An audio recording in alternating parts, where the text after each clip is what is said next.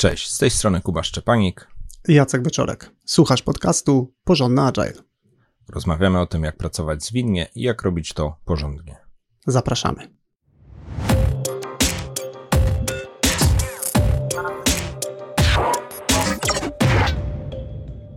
Odcinek, który przed Tobą jest rozszerzeniem poprzedniego.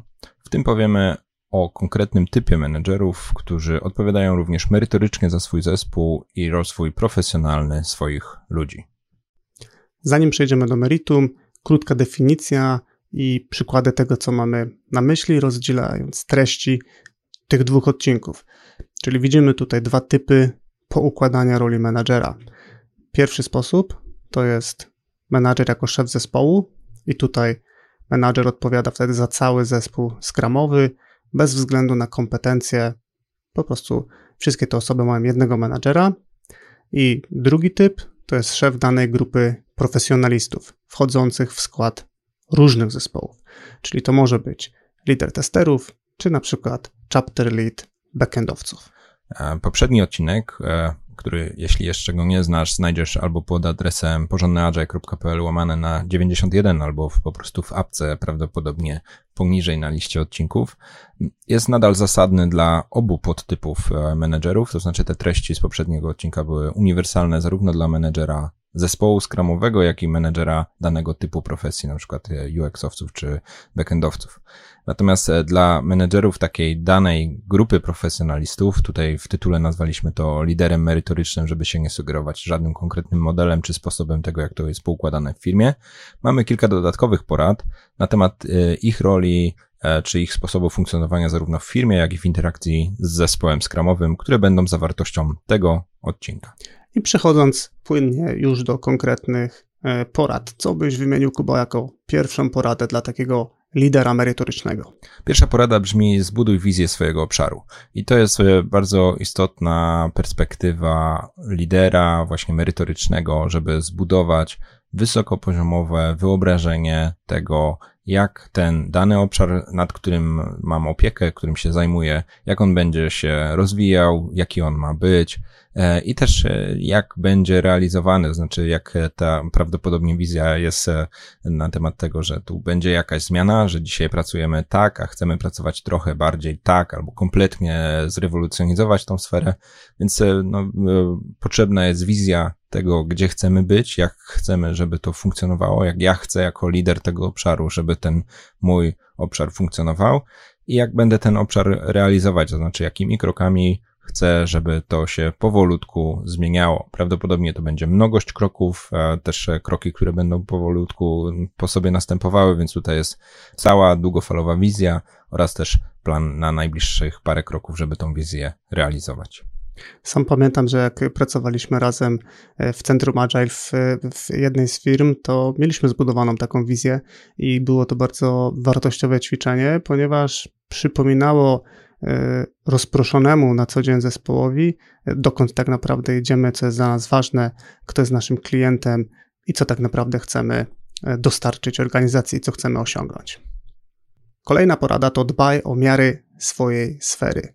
To, co mamy tutaj na myśli, to fakt posiadania konkretnych miar, które wskazują nam, jak funkcjonuje nasz obszar, za który odpowiadamy. Przykładowo, jeżeli jesteśmy liderem odpowiedzialnym za kompetencje testerskie, no to warto zastanowić się, jakie miary pokazują nam kondycję tego, co na co dzień robimy. No i oczywiście warto na te miary spoglądać, patrzeć, no i obserwować, czy, czy zmiany, które realizujemy razem z ludźmi, za których odpowiadamy, czy przynoszą rezultaty, których się spodziewamy, czy też może nie. No i wtedy oczywiście warto zastanowić się nad tym, co usprawnić. I oczywiście mówimy w takim generalnym e, trybie, więc e, trochę trudniej o bardzo konkretne przykłady, ale w szczególności mamy na myśli tutaj miary, które są e, dla danego obszaru, dla danego naszego zagadnienia, którym się opiekujemy, na przykład właśnie obszar testów, obszar frontendu, obszar user experience, a niekoniecznie perspektywa miar konkretnego pojedynczego zespołu.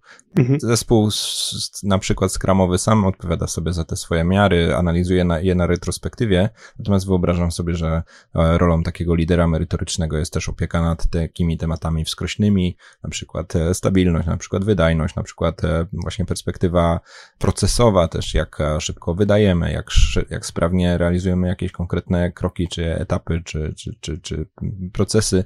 Więc tutaj te wszystkie aspekty miar są potrzebne do tego, żeby dobrze ten swój obszar mieć pod opieką, wiedzieć w jakiej jest kondycji, w kondycji, jakie też ma długofalowe trendy.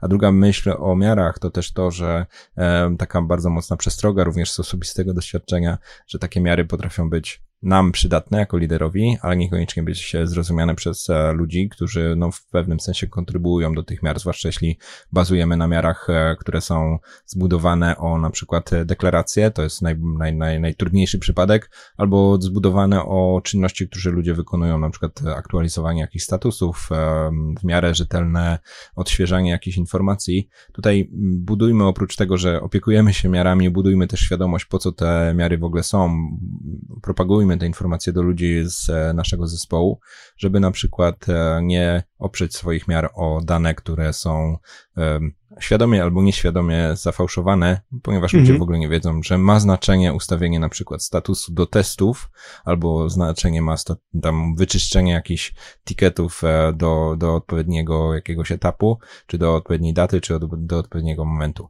My sobie na tym budujemy miary, a ktoś e, pod spodem robi to bardzo nierzetelnie, bo na przykład nie zdaje sobie sprawy, że to jest ważne, albo niestety, ale ma interes w tym, żeby trochę inaczej pokazać rzeczywistość niż taka, jaką ona jest. Trzecia porada, jaką mamy dla lidera merytorycznego, to kształtuj warunki i narzędzia pracy.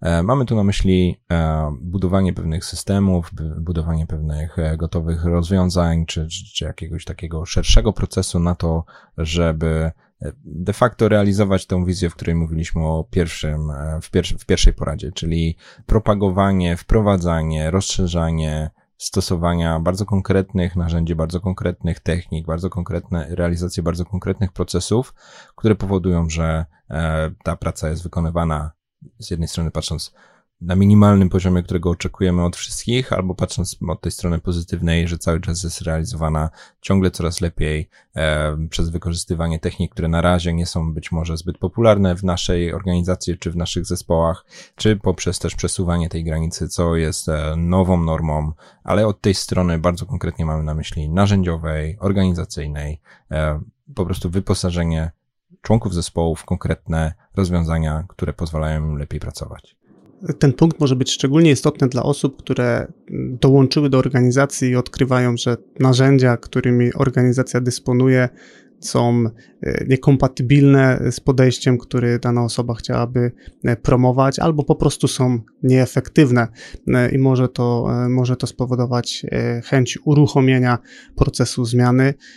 Przykładowa taka zmiana, którą obserwuję w różnych firmach, to jest zmiana systemu obsługi repozytorium kodu, czyli na przykład przejście z e, SVN-a e, na Gita, e, czy na przykład odkrycie, że w sumie fajnie by było, gdybyśmy mieli jednak jakiś serwer, który pomaga nam w ciągłej integracji, po to, żebyśmy mogli dostawać na bieżąco feedback na takim absolutnie poziomie czysto deweloperskim. I widzę tutaj rolę lidera jako osoby, która być może czasem będzie musiała sobie tą ścieżkę do tych narzędzi wydeptać, no ale e, ostatecznie e, co do zasady powinno to podnieść e, jakość pracy czy efektywność. No generalnie powinno przynieść porządne rezultaty. I tak dopowiem jedną rzecz, bo powiedziałeś wydeptać, ja też tak trochę ogólniej to mówiłem.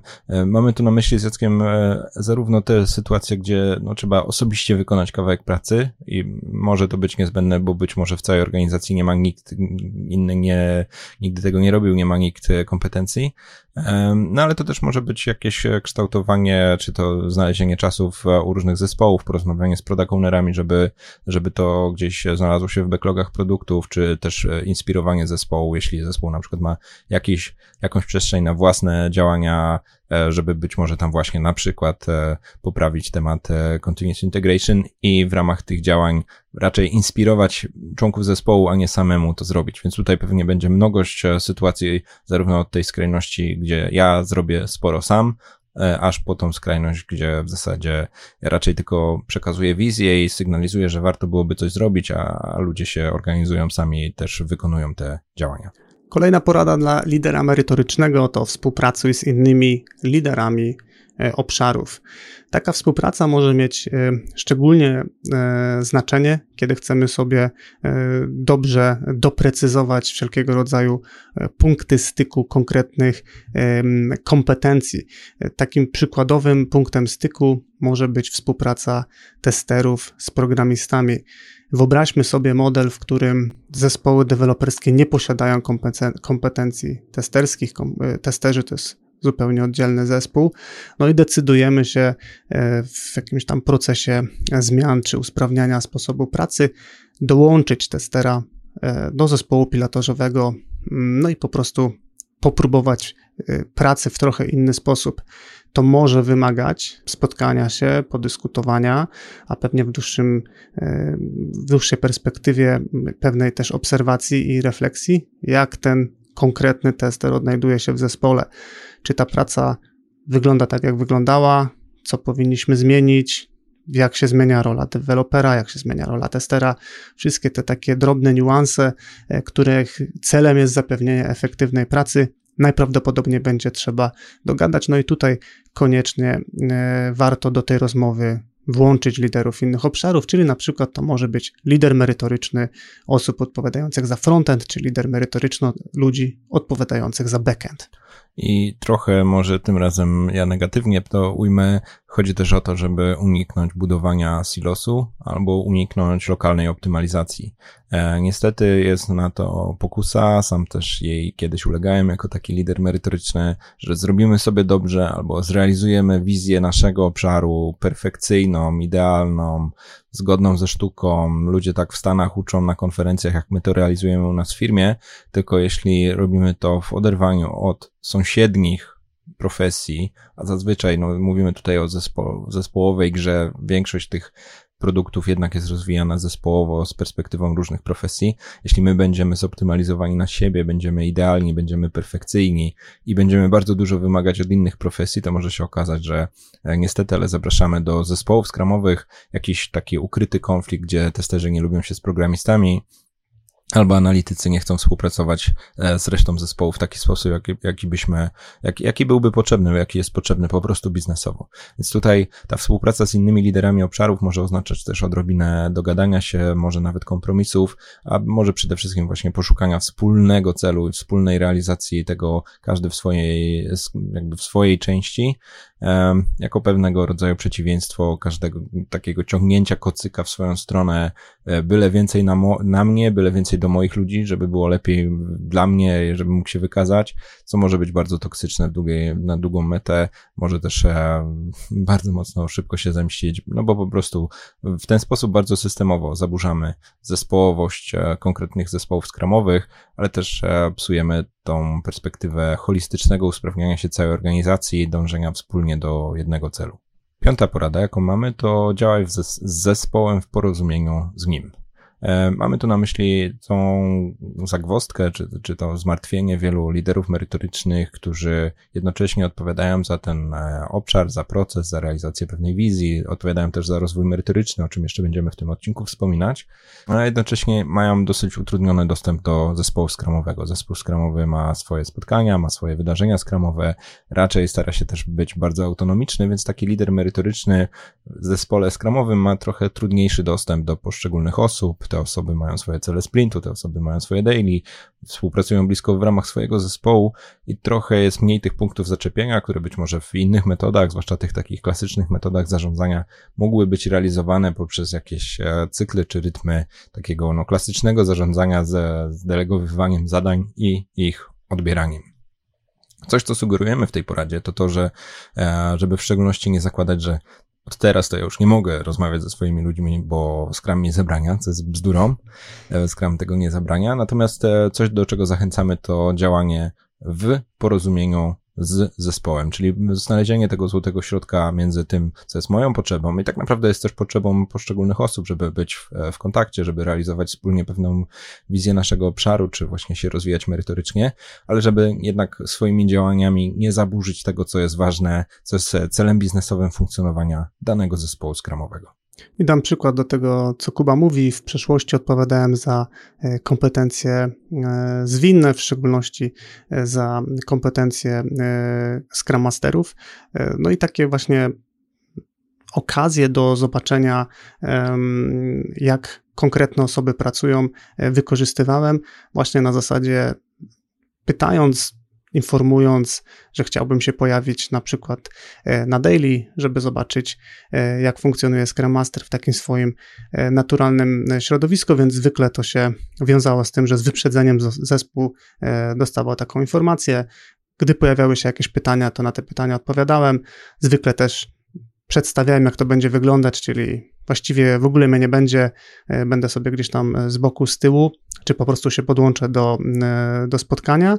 Natomiast jeżeli ktoś by chciał o coś zapytać przy okazji, gdzieś tam zupełnie na sam koniec, to też nie ma problemu mm, z zespołu. Natomiast jakby co do zasady, wszystkie te obserwacje, które mogłem e, zebrać, e, mogłem później e, wykorzystać do przedyskutowania ich z osobą, którą miałem okazję w tym konkretnym kontekście obserwować. Jacek, e, powiedziałeś przykład ze spotkaniami, ale wyobrażam sobie, że niektórzy liderzy merytoryczni też mogą mieć ochotę na przykład na współdziałanie z daną osobą w środku sprintu na zasadzie takiej codziennej pracy, czyli na przykład e, praca w parze z programista i lider, e, mhm. czy może udział w jakichś takich merytorycznych dyskusjach w środku sprintu, gdy jest na przykład rozpatrywana jakaś architektura albo rozwiązywany jakiś trudny problem. Natomiast tu klucz sprawy jest w tym, że jest bardzo duża otwartość co do intencji tego, z jaką, z jaką, z, z, jaką wchodzę do, do tego zespołu i też przestrzeń na to, żeby być może zespół mógł w jakiś sposób dać sygnał, no taka, a nie inna interakcja niekoniecznie jest w tej mhm. chwili nam potrzebna, albo możesz nam pomóc, ale w trochę inny sposób. Przedostatnia porada, którą mamy brzmi opiekuj się ścieżką rozwoju. Właściwie główne pytanie, które trzeba byłoby sobie zadać, to czy w ogóle istnieje taka ścieżka, czyli czy konkretna osoba, deweloper, e, wie tak naprawdę, o jakiej ścieżce rozwoju mówimy w tej konkretnej organizacji, z ilu szczebli się składa taka e, ścieżka, jakie są wymagania e, merytoryczne na poziomie konkretnych stopni, czy to są wymagania tylko techniczne, czy to są wymagania także e, miękkie. Tak więc warto, żeby taka ścieżka w ogóle istniała, natomiast nie każda organizacja taką ścieżkę posiada. Tak więc rolą lidera merytorycznego może być albo upewnienie się, że taka e, ścieżka w ogóle jest opisana, e, upewnienie się, że jeśli tak jest, to że ona faktycznie ma sens, posłuchać może też feedbacku od osób, które na tej ścieżce na jakichś tam konkretnych poziomach się znajdują, a jeżeli takiej ścieżki nie ma, no to zainicjować stworzenie takiej e, ścieżki, Niekoniecznie to trzeba robić własnymi rękoma. E, część pracy związanej e, z wytworzeniem takiej ścieżki można oczywiście zdelegować, natomiast no, na koniec dnia jednak oczekiwałbym, że taką pieczę i zapewnienie, że to w sensownej formie pojawi się w organizacji, zostanie sensownie e, przedstawione, no po prostu jest odpowiedzialnością lidera merytorycznego konkretnej ścieżki. I takie ścieżki dla niektórych mogą być kontrowersją, zwłaszcza jeśli przeżyli takie re tych ścieżek w taki bardzo korporacyjny sposób, czy w korporacyjnych systemach. Natomiast niezależnie od tego, czy wierzymy w takie podejście bardzo ustrukturyzowane, czy nie, no dla mnie argumentem za tym, żeby jakiś rodzaj ścieżki rozwoju istniał, nawet bardzo subtelne, bardzo tak tylko zarysowane, to jest bardzo konkretna klarowność i taka transparencja na temat tego, czego oczekuje się od ludzi na każdym z etapów e, ich rozwoju, od juniora czy jakiegoś stażysty, ale też to jest szczególnie ważne dla osób, które chcą się rozwijać merytorycznie, chcą dalej dostawać jakieś bodźce do rozwoju, jeśli chodzi o kolejne trudne projekty, wyzwania, być może rozszerzanie swoich kompetencji e, technologicznych. No i to może być e, no, bardzo ważna sugestia, czy bardzo ważny sygnał, co jest cenione, ale też e, co jest wymagane, żeby być może właśnie awansować, bym powiedział tak w ramach swojego stanowiska, czy w ramach bycia coraz, coraz lepszym ekspertem, ale również częścią ścieżki rozwoju może, mogą być e, kompetencje takie no, bardziej międzyludzkie, miękkie, e, czyli na przykład e, od kolejnych etapów oczekujemy bycia mentorem dla młodszych kolegów, lepszym takim liderem merytorycznym w swoim zespole, więc tutaj tych elementów ścieżki rozwoju może być wiele więcej. I przedostatni punkt porady, bo poprzedni Jacek się trochę pomylił, ale już nie będziemy do tego wracać, to organizuj wymiany wiedzy. Zwłaszcza w większych organizacjach taka e, rola lidera merytorycznego może być e, rolą takiego katalizatora, inicjatora, facylitatora sytuacji, w której osoby rozproszone po różnych zespołach, być może kilkunastu, a nawet kilkudziesięciu zespołach, w zależności od wielkości firmy, osoby, które mało ze sobą współpracują albo tylko okazjonalnie coś tam z grubsza wiedzą, że coś się dzieje, mogą bardzo fajnie wymienić się wiedzą, zbudować to wspólne zrozumienie, skorzystać z doświadczeń kolegów i koleżanek, które mają w firmie i e, w jakichś takich, na najlepiej cyklach albo jasno zrozumiałych ramach dokonywać tego transferu wiedzy, czy dokonywać transferu może bardziej wniosków z, z, tego, co ludzie uczą się w różnych zespołach, co fajnego robią w ramach organizacji. To jest szczególne nieszczęście właśnie bardzo dużych organizacji, w których dużo fajnych rzeczy się dzieje, no i może się okazać, że, że niestety, ale dosłownie za, za ścianą pokoju fizycznego albo za ścianą pokoju wirtualnego już kompletnie nie wiemy, że jakieś fajne doświadczenia płyną, że jakaś wiedza się zbudowała. Jest do tego okazja, fajnie jeśli taki lider merytoryczny zapewni jakiś sposób na to, żeby wymieniać się tą wiedzą. A skoro mówimy o wymianie wiedzy, to przypominam, że trwają zapisy na warsztaty Labirynty Scrama 22 i 23 września tego roku. E, warsztaty dla osób, które już pracują w Scrumie i chcą dowiedzieć się, jak radzić sobie z najpopularniejszymi problemami w Scrumie. Uczestnicy w ankietach podsumowujących wskazują wymianę wiedzy jako jedną z największych wartości tych warsztatów, więc jeżeli szukasz takiej formy informacji, e, to zapraszam. Więcej informacji na stronie labiryntyskrama.pl łamane na szkolenie. I tym razem ostatni punkt, i chyba się zgodzimy, że faktycznie to jest ostatni. Rozwijaj ludzi ze swojego zespołu. E, to jest taki punkt, który może przybrać wiele e, różnych form. Mm, natomiast jakby taka generalna koncepcja jest taka, że skoro jesteśmy liderami merytorycznymi, to oznacza, że jakąś merytorykę mamy. Najczęściej liderzy, których spotykam e, w takich rolach, mają za sobą doświadczenie, przechodzili po jakiejś tam ścieżce rozwoju, czy w tej konkretnej firmie, czy w poprzednich organizacjach, w których pracowali. Stąd też mogą tą wiedzą, e, którą mają się e, dzielić. I tutaj możliwości przelewania tej wiedzy, że tak powiem, na inne osoby, czy, czy rozwijania innych osób jest sporo, no bo mamy i spotkania e, jeden na jeden, to może przybrać też formę podpowiadania na tym etapie rozwoju, na którym konkretna osoba się znajduje, może się przydać jakieś konkretne szkolenie. To może być też dzielenie się informacją zwrotną, czy takie zwykłe po prostu inspirowanie na zasadzie spójrz sobie na ten artykuł, może zobacz sobie na tą książkę, e, a może podpatrz, jak osoba z zespołu X podchodzi do tematu Y. I do puli, którą Jacek wymienił, dodałbym też e, po prostu taką perspektywę bardziej coachingową, czyli rozmowa z ludźmi o tym, jak się rozwijają. E, duża część e, tych, tego ich rozwoju będzie wynikało z ich codziennej pracy, realizacji tych konkretnych kolejnych zadań, które mają w ramach kolejnych sprintów. Tutaj ten styl coachingowy ma o tyle szczególne znaczenie, że zwłaszcza jeśli patrzymy tą perspektywą zespołu skramowego, to być może jako lider merytoryczny aż tak bardzo dokładnie nie wiem, co poszczególne osoby robią, to tym bardziej mi otwiera przestrzeń na to, żeby bardziej może się właśnie zaciekawić i to autentycznie zaciekawić, czy było jakieś, e, czy użyłeś jakiejś nowej technologii, czy wykorzystałeś jakiego, tej umiejętności, którą poznałeś ostatnio na szkoleniu, czyli gdzieś tak e, też wzmacniać w ludziach tą perspektywę rozwoju i tak przypominać, że jest to ważne i być może umówić się na jakieś e, no, rytm właśnie wzmocnień tych wszystkich innych działań, które Jacek e, powymieniał e, wcześniej. No i, i ten lider merytoryczny, zwłaszcza jeśli jest e, też po prostu autorytetem dla danej osoby ze swojego zespołu, no to jest duża szansa, że będzie ważnym uczestnikiem takiej rozmowy i ważną osobą inspirującą do tego, żeby być e, no, lepszym w tym, co się robi. I wiem to sam po sobie, jako pracownik, wiem też to jako e, były menedżer, że to ma bardzo duże znaczenie, że wiele osób wybiera perspektywę danej konkretnej organizacji czy danego konkretnego zespołu również przez pryzmat tego, czy będę mógł się rozwijać, czy mam od kogo się uczyć, no i będę mieć od kogo się uczyć, jeśli będę miał kolegów i koleżanki w tej profesji, którzy są też dobrzy albo na odpowiednim poziomie i to wszystko sumuje te poprzednie punkty. Realizowana jest ta profesja zgodnie z jakąś wizją, stosujemy nowoczesne narzędzia, ale to wszystko, składową tego wszystkiego będzie też po prostu bardzo dobry lider, który pomaga mi się rozwinąć, pomaga mi przesunąć tą granicę tego, co jest możliwe, e, co umiem, co, co, z czym się czuję komfortowo, e, gdzieś, gdzieś wyżej, gdzieś, e, gdzieś w nowe rejony. Podsumowując cały odcinek, co możesz robić jako lider merytoryczny w Scrumie?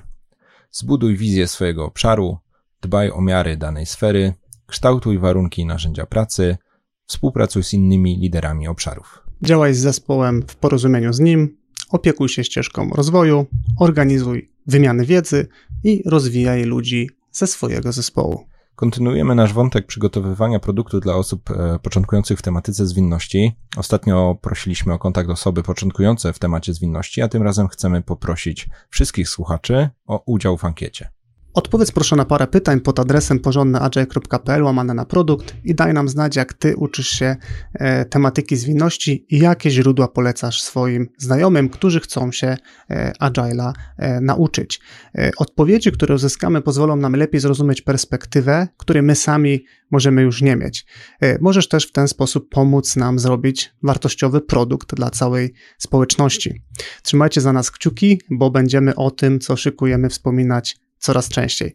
Przypominam, ankieta do wypełnienia na stronie porządnyagile.pl łamane na produkt. A notatki do tego odcinka, artykuł, transkrypcję oraz zapis wideo z naszej rozmowy znajdziesz na stronie porządnyagile.pl łamane na 92. I to by było na tyle. Dzięki Kuba. Dzięki Jacek. I do usłyszenia wkrótce. wkrótce.